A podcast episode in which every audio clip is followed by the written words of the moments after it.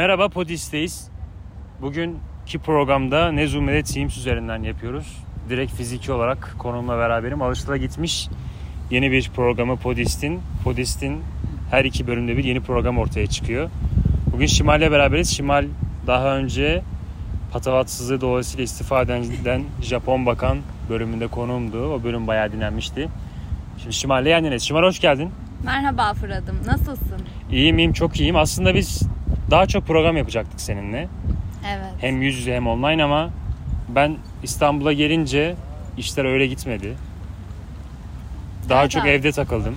Buluşmadın benimle. Çok buluşmadım. Ama şu an podcast için beraberiz. Her şey yolunda mı? Yolunda iyiyim, mutluyum. Güzel bir parktayız şu anda. Evet. Yaprak sesleri. Bugün için Sonbahar konuların var mı geliyor. Şimal? Bugün için- Konularım var. Bazı kaygılarım var Evet. bölümle ilgili. Sormak istediğim sorular var sana. Bugün aslında biraz farklı bir şey yapacağız. Birden çok konu var ve bu absürt konularla alakalı konuşacağız. Öncelikle dün biz Şimal'le telefonda konuşuyorduk ve Şimal bir yerden bahsetti bir işletmeden. Tekrar o konuşmamızı bir anlatır mısın Şimal? Ne oldu? İsim vermeden bu arada sakın isim ve semt verme. Semt versem. Semt ver.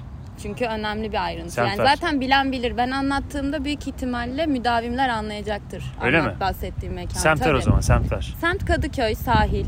Sahil tarafında küçük bir büfe var. Bu büfeyi bilen bilir. Güzel bir büfedir. Güzel döneri vardır. Tavuk döner. Ama bu büfedeki döner farklı. Yani Hatay soslu döner değil bir kere. Biliyorsunuz ki günümüzde normal tavuk döner bulmak oldukça zorlaştı. Normal düz tavuk döner ve içine uzun turşu biberlerden koyuyorlar abi. Bu tombik yuvarlaklardan değil de uzundan koyuyorlar. Ve müthiş oluyor gerçekten. Yani müthiş bir tadı var dönerin. Ama geçenlerde buradan selam söylemek istiyorum. Mecidimle konuşurken yanlış hatırlamıyorsam Mecidim'de. Kendisi bana dedi ki artık o uzun biberleri koymuyorlarmış. Neden demiş adama neden koymuyorsunuz? Abi de demiş ki pahalı oluyor zam geldi bibere. İşte koyamıyoruz kaldırdık biz de. Ve abi özelliği oydu o dönerin yani insanlar hususi onun için gidiyordu oraya. Ben de şöyle bir şey düşündüm. Biz bir kavanoz alsak turşu biberi, uzun turşu biberi götürsek o abiye. Versek desek abi rica etsem benim dönerimi bununla yapar mısın? Kalanı da senin olabilir. Yani bu şekilde en azından bizden sonraki bir 10 öğrenci de o lezzetli o eski efsane tavuk döneri yiyebilsin. Sen ne düşünüyorsun? Abi bu mantıklı bir fikir ki bugünkü podcastimizin konusu ama şimdi akla bir soru geldi. Dün gelmemişti mesela bu soru. Bu arada önce şeyi söyleyeyim. Şimal bana bunu söyledikten sonra ben direkt şunu dedim. Sevdiğimiz lokanta veya restoranların ürünlerinin tedariği konusu onlara yardım etmek. Bu daha önce benim çok akla gelen bir şey değildir. Yani ama şimdi sen deyince şu aklıma geldi. O adamın tedarik ettiği yeri öğrenip alacaksın değil mi tabii? Rastgele almayacaksın. Marketten gidip almayacaksın muhtemelen. Açıkçası benim planım çok marketten almaktı. Yani Evet. marka vermek gibi olmasın ama başka marketler de olabilir. Yani toptancıda hale gitmeyi hiç düşünmedim abi. Evet. Ama sence senin çok marketten alabildiğin bir biber olabilir mi o? O kadar evet. olabilir mi? Benziyor mu? Bildiğimiz uzun turşu biberleri ya. Direkt onu atıyordu içine. Evet evet. Normal tavuk dönercilerde mesela tombik biber, kısa biber var. O değil. Hmm. Uzun turşu biberi. Fotoğrafını koyabilir miyiz kapağa? Kapağı koyamayız da kolaj yaparsak koyarız. Çünkü sadece onu konuşmayacağız. Ama çok önemli bir konu ya. Şimdi mesela en sevdiğin İstanbul veya Türkiye'de en sevdiğin yemek yeri orası mı? Değil aslında. Yani bir favorim yok. Ama mesela Kadıköy'e gittiğim zaman mutlaka orayı bilirim oranın orada olduğunu ve biraz aç giderim ki orada geçerken bir atıştırayım. Hususi mesela bazen vapurla geçerim o Anladım, döneri yemek için. anladım. Ama tabii artık böyle bir şey mümkün değil. Benim İstanbul'da en sevdiğim yer Kavacık'ta bir dönerci. Onun da ismini vermeyelim. Çok biliniyor zaten o. Ben staj yaparken keşfetmiştim orayı ve sürekli oraya gidiyorduk. Sonra başka bir yere staja girdim. Maslak'ta yine oraya gidiyorduk. Düşün Maslak'tan Beykoz'a. Nasıl ya? Çok iyi bir dönerci. Mesela o dönercinin en meşhur kısmı tabii ki de eti ve şeyi, ekmeği ve patates. Her şey meşhur. Her şey meşhur olduğu Abi ikramları bol oranın. Tabii ikram ve çok hızlı. Mesela ben oraya için elimden gelen her şey yapabilirim. Yani çünkü oranın devamlılığını istiyorum ben. Onun yerine bir yer geçemez. Evet benim için de böyle bir yer var aslında Fındıkzade'de. Fındıkzade neredeydi? Gittik ya beraber. Evet tamam. Fatih'te. evet. Abi o Fatih'te Evet, bazı isimler çok dükkanı. karışıyor. Fındıkzade, Yusuf Paşa, Aksaray. Abi Fatih bir derya deniz yani. Doğru. Sonu yok, ucu bucağı yok. Eski İstanbul. Old Town abi. Yani kendim oraya öğle yemeğine gidiyorum atıyorum. Bir porsiyon döner söylüyorum. Ekmek arası orada ekmek arası yok bu arada. Hmm. Senin gittiğin o yer gibi değil. Senin gittiğin yere fark atar burası bu arada. Senin gittiğin yer muhtemelen küçük. Abi benimki büfe zaten. Büfe. İkisinin ortak yönü var ama ikisi de şubeleşmedi muhtemelen. Asla. Şubeleşmedi ikisi de. Abi bir marka çünkü. İkisi de gerçekten alanında marka. Biri tavukta biri ette. Mesela sen o gittiğin yerde tavuk döner yer misin? Yok çünkü. Bizde de et döner yok abi. Abi sen tavuk dönerle bu kadar mı arkadaşmış bir yer? Abi Türkiye'de çünkü tavuk döner itibarını düşürüyorlar. Evet. Çok güzel bir tavuk döner yiyorsun. Hemen insanlar şey diyor ya martı martıdır o diyor falan diyor. O beni çok üzüyor abi ya. Yani. Yani, onu bilmek, onu düşünmek çok üzüyor beni o tavuk döner Tavuk dönerciler için mi üzülüyorsun da martı olma ihtimali. Martı olma ihtimalinden Abi dolayı üzmeden- kendime ve martılara üzülüyorum abi. Abi üzmeden ziyade bildiğin böyle kendi sağlığın için endişe etmen gerekmiyor mu? Abi martıları o kadar kolay avlayabileceklerini düşünmüyorum ya. Ava giderken avlanabilirler çünkü. Martılar evet. etçildir abi. Tabii tabii. Ya bir de mesela martının yanına yaklaşınca martı durmuyor ki sonuçta. Yani bir de ne kadar et çıkacak gibi martıdan baktığında. Doğru. Onun yerine bildiğimiz tavuk kullanabilirler abi. Daha Ben orası için gerekli ürün tedariğini yapabilirim ama kendime kadar yani giderim oraya patatesi alırım. Çünkü oranın devam etmesi için. Yani ya bu o kadar önemli fikir ki senin dün söylediğin aslında. Belki de çoğu kapanan efsane işletme ayakta durabilecekti bugün. Abi gerçekten Çalışanların- bu arada. Fonuyla, fonlamasıyla. Evet en azından hani ham madde de yardımcı olsak onlara onlar zaten yaparlar. Lezzeti yine aynı şekilde oturtabilirler abi. Ama Doğru. senin dönercin için böyle bir sorun olacağını düşünmüyorum. Şu an Allah'a şükür orada her şey devam ediyor. Yani Tabii. iki yıldır gitmedim. Belki devam etmiyor olabilir ama. Bir diğer yeri de söylemek isterim sana. Tabii. Burası çok akıl, yani rasyonel burası. Burası da Rotterdam'da bir kebap şey kebapçı. Şimdi benim Türkiye'de en iyi Adana kebap yediğim yer Adana'da bir yerdi. Bir şey ustaydı. Hollanda'da bir kebapçı var, bir şey kebap. Çok iyi. Yani Türkiye'deki birisi o iki. Nasıl yani İstanbul'da kebap? bu kadar Adana kebap yemedim ben. Adana kebap. Aa, Çok güzel, her şey çok güzel. Hollanda'da yarım kilo kıyma 4 euro. Yani mesela benim yiyeceğim Adana dürüm kaç kilo kıymadan yapılır? Yarım kilo kıymadan diyelim. 4 euro artı içeceğimi de evden götürürüm. Ben 4 euroya orada destek verebilirim her gittiğimde. Bu çok rasyonel bir şey değil mi? doğru. Yapabilirim bunu yani. Ama zaten kıyma onların kilit malzemesi abi. Turşu biberi gibi bir şey değil ki. Kıymalar olmazsa nasıl üretim yapacaklar? Abi Bana kalmaz mı o iş diyorsun?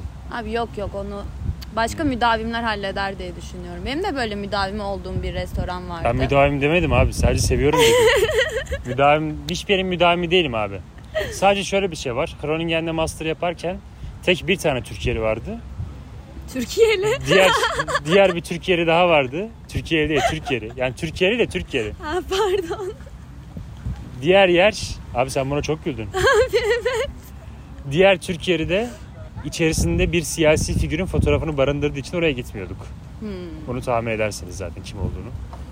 Bu podcast kırpıla kırpıla 3 dakika olacak İsim, isim gibi. vermiyoruz ama sonuçta. Doğru abi.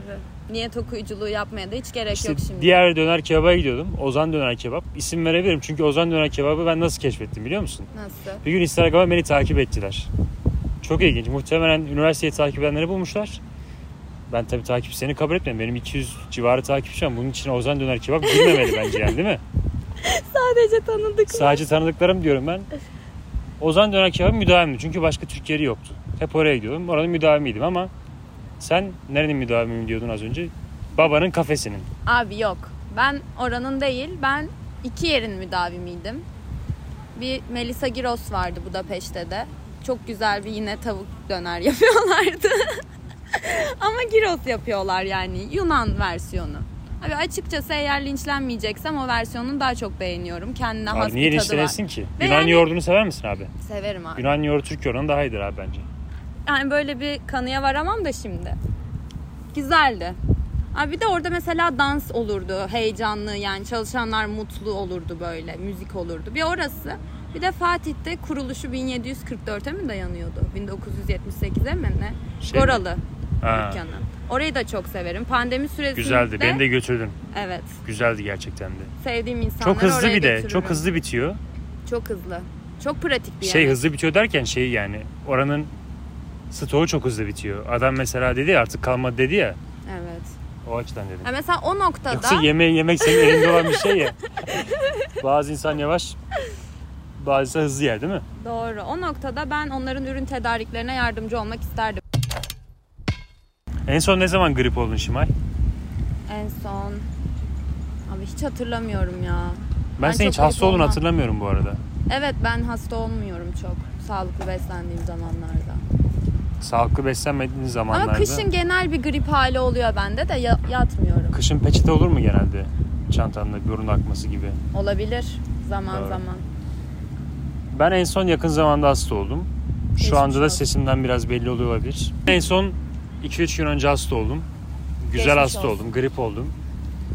Ve bu gribi iyice yaşamak istedim. Önce bir şöyle düşündüm. Dedim ki abi insan çok fazla kendini bıraktığında hastayım, ölüyorum dediği anda daha çok hasta oluyor. Tabii. Daha çok hastalığa vuruyor kendini. Ben mesela annemden ayrı ya annemden ayrı iki, iki sene geçirdim mesela. Ama o iki süre- sene içerisinde hep annemin yanımıza geldiği zaman hasta oldum. Şimdi yine annemin yanında hasta oldum mesela. Böyle bir avantaj var. Kendini güvende hissettiğin için acaba Bırakıyor vücudunu muyum? rahat mı bırakıyorsun? Ya belki olabilir.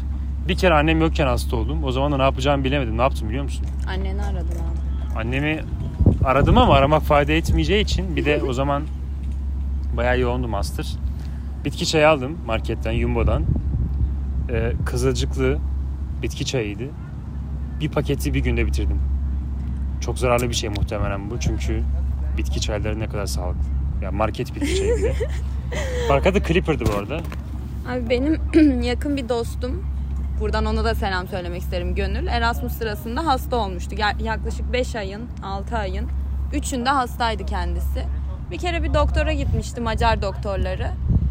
Çay içme tavsiyesinde bulundular ona. Çay Aa. iç dediler abi. Ee, Ama e, kızın e, böyle hekimi iltihap gibi bir falan şey miydi? akıyor yani. Aile hekimi gibi bir şey miydi? Yok bildiğin özel klinik. Çay iç dedi abi. Böyle bir şey olabilir mi?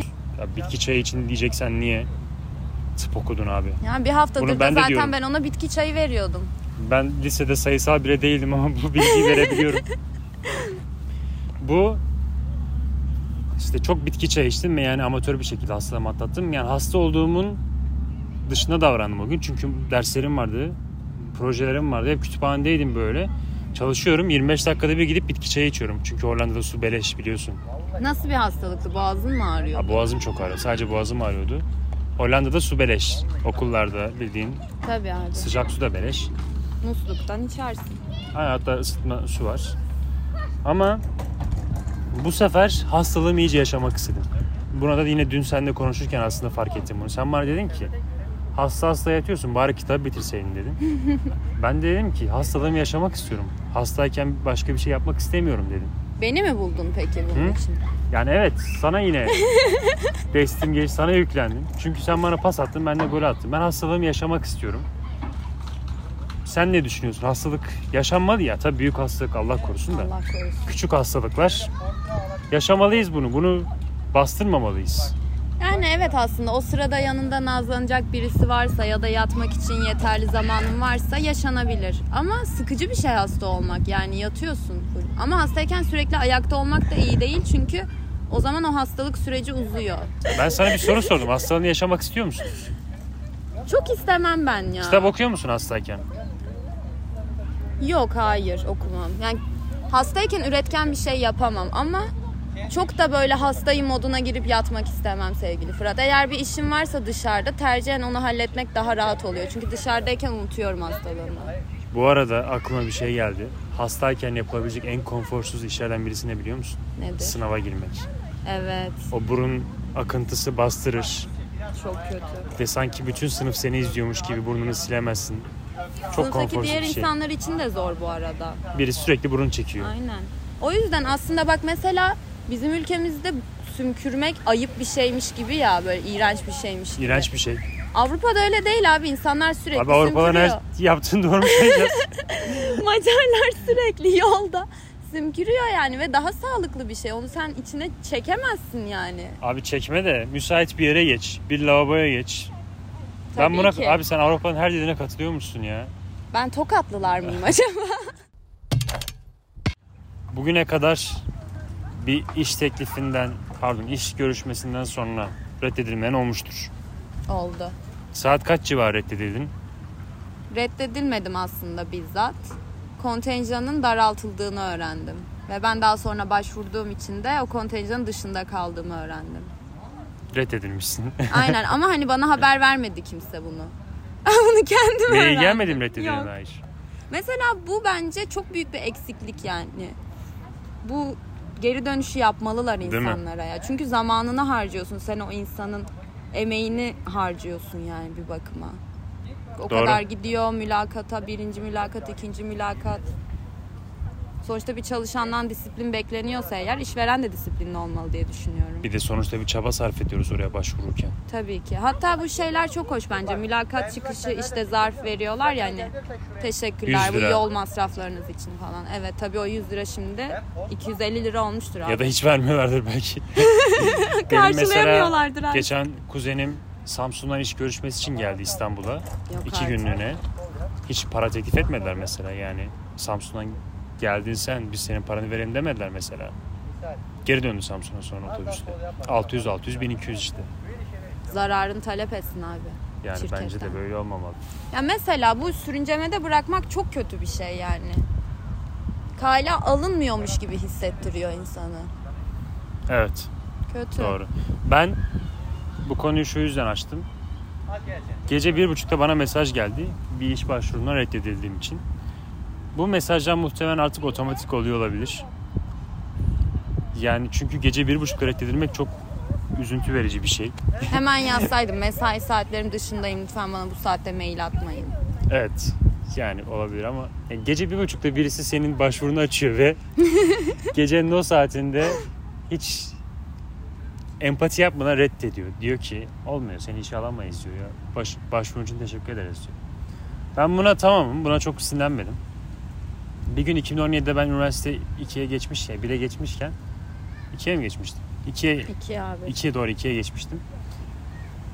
Bir şirkete başvuruda bulundum. Bu şirkette yine isim vermeden anlatacağım anlayacaksın. O zamanlarda bir çiftin ayrılığı konuşuluyor. Hatta bu kişi siyasete girmeyi düşündü bir yer aday oldu seçilemedi. Ses tonu havalı bir adam. Benim haberim yok bu çiftten. Neyse dinleyenler anlar belki. Bu ses tonu havalı adamın bayağıdır evli olduğu bir kadındı bu. O kadın isminde bir kahve makinesi markası diyeyim. Veya çaydanlık markası. Bu şirket şu an mesela buradan bir şey yapamazlar değil mi biz? Şirket alanı kullanmadım sonuçta.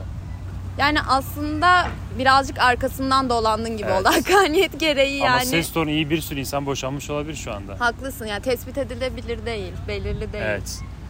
Sonra bu arada zaten yanlış bir şey söylemiyorum ki ne gerçek onu söylüyorum. Ben buraya iş görüşmesine gittim. Benim bu hayattaki ilk iş görüşmemdi. Böyle yeşil gömlek giymiştim. Siyah pantolon giymiştim. Şimdi olsa öyle gitmezdim ya. Niye yakışmıştır sana? Yakıştı Yeşil ama mesela sana. şey gibiydi. Hani okulda böyle sivil giyinilir ya. çocuk gibi giyinmiştim. Sakallı bir çocuk gibi giyinmiştim. Ama gerçek rakçılar her oldu. zaman sinek kayıt tıraş olur. Doğru. E, sinek ay değildim. Hayır sakallıydım diyorum ya. Sakallı çocuk gibiydim diyorum. Evet. Doğru bu arada. Şey rakçılar mesela hiç giyinmez öyle yani. Hiç takım elbise de giymezler. Düğünlerinde belki Kaan Tangöz'e mesela. Kaan Tangöz'ün düğününe baktım ben. Siyah gömlek, siyah kravat. Cenazeye mi gidiyor düğüne mi belli değil mesela. Ama olduğu kişi gibi gitmiş. Olması gereken bu bence. Yani düğünler böyle çiftlerin üzerinde çok büyük bir baskı oluşturup onları olduğu karakterin dışına çıkarıyor ve sadece gelin ve damat olarak sınırlandırıyor bence. Aslında insanlar düğünlerine kendilerinden bir şey kattıklarında daha keyifli oluyor. Doğru o da katmış zaten. Yani Neyse ben iş görüşmesine gittim. Sabahın köründeydi. Sonra ertesi sabah 7.00'da bana mail geldi. Bak sabahın 7'si reddedilme dair. Bu mesela çok kırmıştı beni. Çünkü sabah uyanıyor birisi. işe gidiyor ve bilgisayar açar açmaz beni reddediyor. Yani mesai 6.30'da başlamadığına göre Evet. bu mesela böyle olmamalı bence. Belki zamanlayıcı kurmuştur 7'de göndermek üzere. 7'de şu dünkü gelen Aynen mailiye hazırlamıştır. Ben öyle yapardım mesela hazırlardım işte saat 10'a kurardım ama neden 7 yine yani en azından bir 9 olsa yani mesai başlangıç giyimine gelen saati. çocuğu reddedelim. Abi peki hiç böyle şey bir şeyle karşılaştın mı mülakatlarında? Hani Sana bir şey soruyorlar mesela bilmiyorum diyorsun ya da bilmediğin bir şeyi bilmeni istiyorlar. Ve neden buraya geldin bunu bilmiyorsan o zaman diyorlar. Aslında sen oraya onu öğrenmek için zaten başvurmuşsun. Değil mi? Yani yok onu öğrenmek için başvuruyoruz ki. Yani İşe girip para kazanmak için başvuruyorum. doğru abi. Ama hayır senin dediğini aldım. Sen şey diyorsun. O işte uzmanlaşmak için sonuçta. Evet evet. Yani aslında senin tüm diğer qualification'ların okey ama bir tane bir ayrıntıyı buluyorlar ve oradan seni Hmm. vuruyorlar. Ve zaten Ben- sen onu şirketin işleyişinde öğreneceksin yani. Doğru. Ben bununla karşılaştığımda hep şey diyorum. Evet bunu bilmiyorum ama bunu öğrenmek için gönüllü, şey, istekliyim diyorum. Arzuluyum diyorum. Evet. Ama bu pek genelde işlemiyor. Çünkü bir zamanlar o iş için arzulu olman gerekiyor. Yani iki yıl önce falan arzulu olup bunu öğrenmiş olmanı tercih ediyorlar. Çok şey bekliyorlar Biraz- bence. Evet. Yani bu benim yaşadığım bir şey. Ama iş görüşmeleri genelde kırıcı bir şeydir zaten. Yani olumsuz bir iş görüşmesinden sonra kimse ya en azından yeni insanlara tanıştım demiyor olabilir. Ben genelde öfkeleniyorum açıkçası. Yani evet böyle öfkeleniyorum. Ya mesela öfkelenmediğim işlerde de oluyor genelde zaten. Okey Benim- mutlu oluyorum. Oluyor yani olumlu oluyor. Orada işe girip para kazanıyorum. Benim çok hiç görüşmem olmadı ama Budapeşte staja giderken gerçekten kötü bir mülakat geçirdim. Yani kötüydü dedim ki imkansız beni almaları. Patronum şey falan dedi. Sen buraya partilemeye, gezmeye mi geliyorsun? Biz burada gerçekten çalışacak birini arıyoruz Aslında falan işini dedi. yaptığın zaman partilemene karışmaması lazım. Yani evet. yani. Ben de ona bir mail attım. Motivasyon mektubu gibi. Evet partilemeye geliyorum. evet partileyeceğim ama söz gün içinde çalışacağım. Ve kabul edildim abi. Abi demek ki kendini inandırmıştın. Demek ki mülakat her şey değil mi Mülakat, acaba? Yani değişir tabii. Şirketten şirkete göre değişir. Tabii. Bazı yerde yani günümüzde referans sistemi çok hızlı çalışıyor. Çok çalışıyor. Maalesef. Çoğu insan referansla işe giriyor. Bu şirketlere mülakatın bir önemi yok. Sen orada okuma yazın bilmesen bile seni alabilirler oraya. Evet ve bu referans şey Sonuçta olarak görüyoruz. da değil. Senin eski işvereninden olan referansın ya da akademisyenlerinden olan referanslarına Değil, yok. bakmıyorlar Bu yani. şirket içi referans. Evet. Şirketin içinde bir tanıdığın. Aslında bence işveren referansı çok önemli. Yani mutlaka bakılmalı. Ama bakmıyorlar. Evet. Devlet memurlarının CV'si olur mu Şimal? Konu üzerine biraz araştırma yaptım. Evet. Şimdi- Nasıl yaptın? Bize metodolojini açıklama lütfen. 657 sayılı kanunu açtım biraz okudum. Gerçekten mi? Yani atanma şekillerini falan.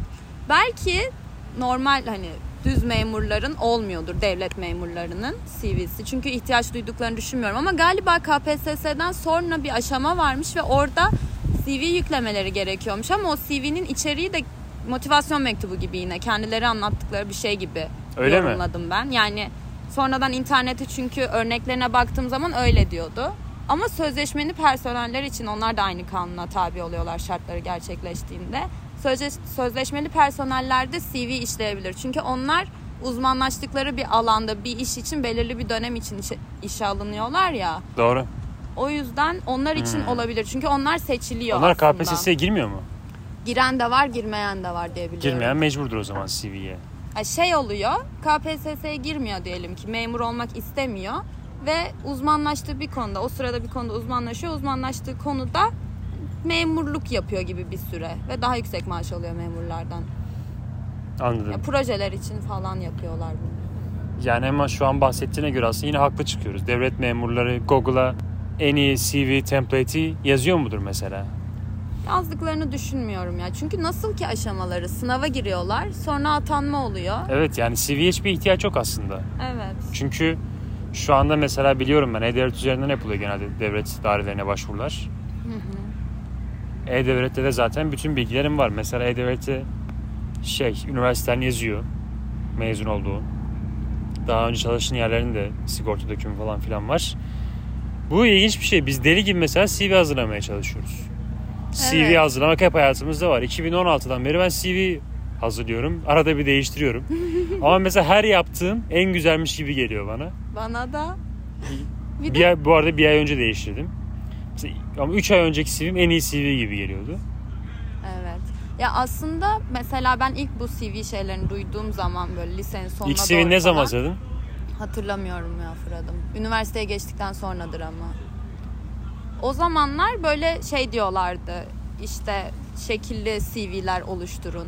Böyle güzel şemalar olsun falan. Ondan sonra insan kaynaklarında çalıştığımda sevgili patronum bana dedi ki böyle CV mi olur dedi. Hukukçunun CV'si daha düz olmalı dedi. Daha basit olmalı. Çok haklı. Bir junior olarak mesela asla bir şeylerde advance olduğunu ya da profesyonel olduğunu yazmaman gerekiyor. Olamazsın çünkü. Olamazsın. imkansız. Ya aslında CV çok basit olmalı ya bence. Kesinlikle. Yani o mesela özelliklerimizi yazmayı bile ben bir noktada gereksiz buluyorum. Çünkü onlar herkeste aynı yani. Öğrenmeye hevesli, çalışkan. Öğrenmeye hevesli değilse olamaz değil mi? yani Mesela zaten Instagram'da- CV'ne yazmazsın onu. Instagram'da bir kişinin videosu dolanıyor bir abinin. Bu abi bir yazlık bir beldede hurdacı. Gördün mü o videoyu? Görmedim Fırat'ım. Şey diyor mesela. Bana diyor adam böyle konuşuyor yani biraz esprili. Bana diyor eskilerinizi verecekseniz verin diyor. Israr etmem size diyor. Yüzünüze bile bakmam diyor böyle. Ters konuşuyor. Mesela bu abi öğrenmeye hevessiz. Yani Hevesi yok. hevesi yok ama bu abinin CV'sinden yola çıkarak bir genelleme yapamayız. Evet. Öğrenme herkes hevesli zaten. Ben ilk CV'mi 2017'de bahar ayında hazırladım.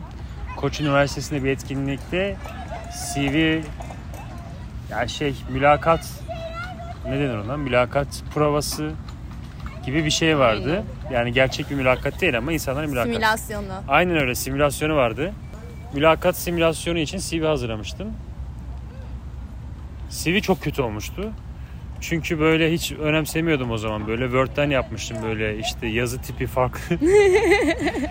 Sonra bir şeyler sallamıştım falan. Selfie koymuşsun. CV fotoğrafı. Sonra fotoğraf yoktu bile.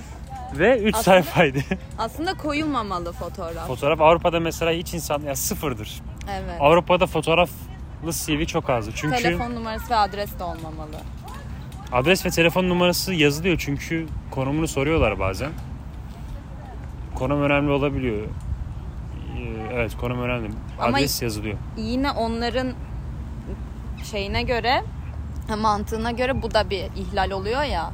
Yani o da aslında o adaleti bozacak bir şey onların arasında. Oturduğu yeri Hmm. bilmek ya da telefon numarası onun özel bilgisi, kişisel bilgisi. Ne, ne yapacaklar? Beni nasıl bulacaklar? Mail adresin. Mail okey mi? Mail okey abi yoksa nasıl ulaşsınlar sana? Zaten bu LinkedIn de arada okey. telefonla arama yine telefonla arayanlar oluyor bazen mesela ya. Mülakat Evet. için önceden hızlıca halletmek istiyor. Oluyor. Ben müsaade varsa eğer telefonumu silmeyeceğim. Bu uyarını dikkate almayacağım. Yok zaten Türkiye'deki işlere başvururken silme canım. Evet. Yo, yurt Çünkü- dışında da silmeyeceğim. Arıyorlar çünkü ne yapayım. Peki abi silme. Ben bu simülasyonda çok iyi bir şirketin, yani Koç Üniversitesi sonuçta iyi şirketleri getiriyor yani Koç Üniversitesi. Bu şirketin temsilcisiyle görüşürken kadın bayağı böyle yüzü düşmüştü. E, keşke öyle yapmasaydı çünkü daha yeni bir gencim daha birinci sınıf öğrencisiyim yani. Heves bal. Demiş ki neden senin CV'nin 3 sayfa?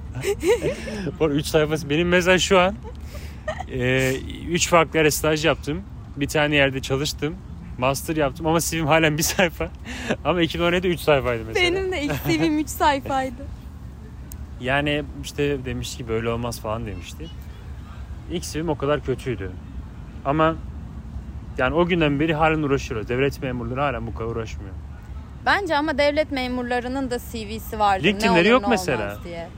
evet LinkedIn'leri de genelde yok. LinkedIn'leri yok. Aslında rahat yani. Evet evet rahat. Bize hep ters anlatıyor ya memurluk şöyle memurluk böyle diye. Biz bir ürünmüşüz gibi sürekli o rekabetin içindeyiz. Memurlar mesela kariyer günlerine gidiyor mudur? Gitmiyordur. YouTube'dan mesela atıyorum Ali Koç'un bir şey zirvesinde konuşmasını izlemiyordur. Sanmıyorum. Evet. Ya bunlar da konuşmamız lazım. Hep dezavantajlar konuşuluyor. E, biraz da avantaj yani. Avantajları var. Şimal dün bir video izledim. Bir Instagram sayfası. Tokat'la alakalı bir Instagram sayfası. Bu arada Tokat'la alakalı çok fazla Instagram sayfası var. Hani mesela Erzincan'la alakalı var mı o kadar? Ben Mustafa görmüyorum. Sarıgül'den Tek başına sonra. yetiyor. Ya da Mustafa Sarıgül tek başına yetiyor. Evet zaten Erzincan'ı görünür kıldı diyebilirim onun için. Doğru. Tarkan'ı getirecek Erzincan haberin var mı? Hep öyle söyleyip duruyor. Gelecek umuyorum ki. İBB adayı olur musun diyorlar. Tarkan'dan konu açıyor mesela. İnşallah getirir. Ya da götürür diyelim. Biz Erzincan'da değil sonuçta. Ben Erzincanlıyım. Ama getirir yine yanlış ifade. Şu an Erzincan'da değilsin. Giderim abi böyle bir etkinlik olursa yani yalnız bırakmam. Aa doğru. Sonuçta Tarkan geldiği zaman bir görevde Erzincanlara düşüyor değil mi? Onun Tabii. yanında olmak. Onu bize yakışır Çok şekilde ilginç bir adam ağırlamak. ya. Çok ilginç bir adam. Dün mesela voleybol maçında bir anda oyuncuların arasına karıştı Tarkan. Gördün mü? Evet evet. Herkes toplandı etrafına. Mesela voleybolcuya şeyi sordular. Dediler ki işte röportaj yapalım mı sana dediler. Bir saniye bir saniye Tarkan geldi falan dediler. Evet evet Bu gördüm mesela onu. önemli bir başarı cidden yani. Bu kadar sevilmek.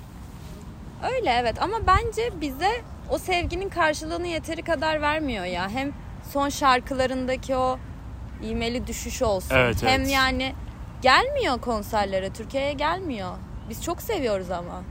Ama bu sevginin karşılığını alamıyoruz. Bu kadar Serdar Ortaç'ı sevseydik belki o adamı kurtarabilirdik abi. Ne Değil diyorsun? mi? Sevgisizlik. Serdar Ortaç'ın şarkılarını sevdik ama kendisini sevmeyi unuttuk. Evet ya. Şu anda da sevilecek Yok hal ve hareketler içerisinde. İçimizi almaz artık ya. değil. Bu tokat sayfaları çok fazla var Şimal. Yani çok fazla yani ben her seferinde farklı bir tokat sayfası görüyorum. Dün bir tanesi de çok ilginç bir sokak anketi yapıyor. Anket Turan Milli mi Avrupa Birliği mi? Mesela aşırı şaşırdım. Böyle bir anketin yapılması gayet şaşırtıcı bir şey. Çünkü bunun yeri tokat olmamalı. Bunun yeri herhangi bir şehirde olmamalı açıkçası. Neden? Yani ne bileyim bu nereden geldi bu soruyu sormak aklına?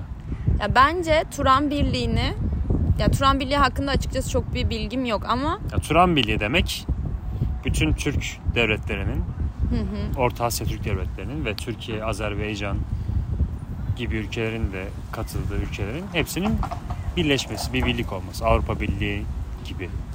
aslında baktığında burada Turan Birliği'ni Avrupa Birliği düzeyine getirme amaçlı bir çalışma olabilir mi?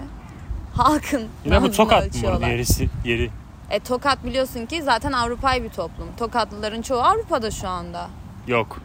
Öyle Tokatlar abi. çok Araştırmanı öneririm. Ben varım. Kendimden başka tokatlı görmedim Hollanda'da. Bir de abim var. Onda da zaten onun tokatlı olduğunu biliyordum zaten. Söyledim Bu abi. tokat sayfası böyle bir anket yapıyor. Diyor ki ya aşırı derecede şaşırdım. Çünkü neden böyle bir anket? To- Tokatlara soracak bir sürü soru vardır.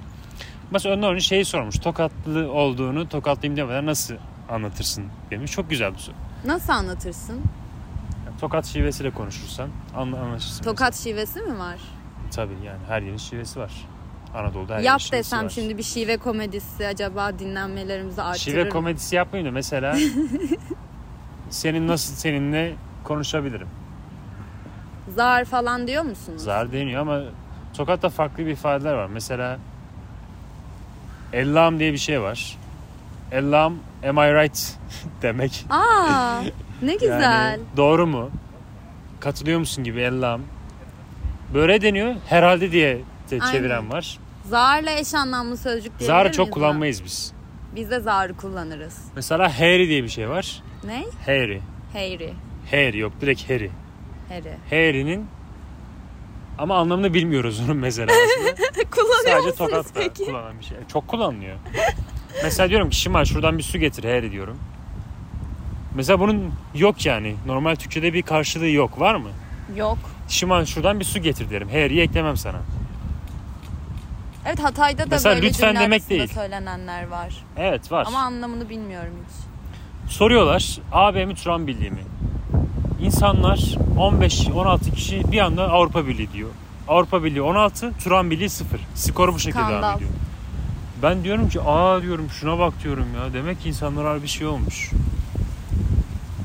Bu arada insanların görüşüne saygı duyuyoruz ama Tokatların Avrupa Birliği çıkmayacağını bildiğim için şaşırıyorum.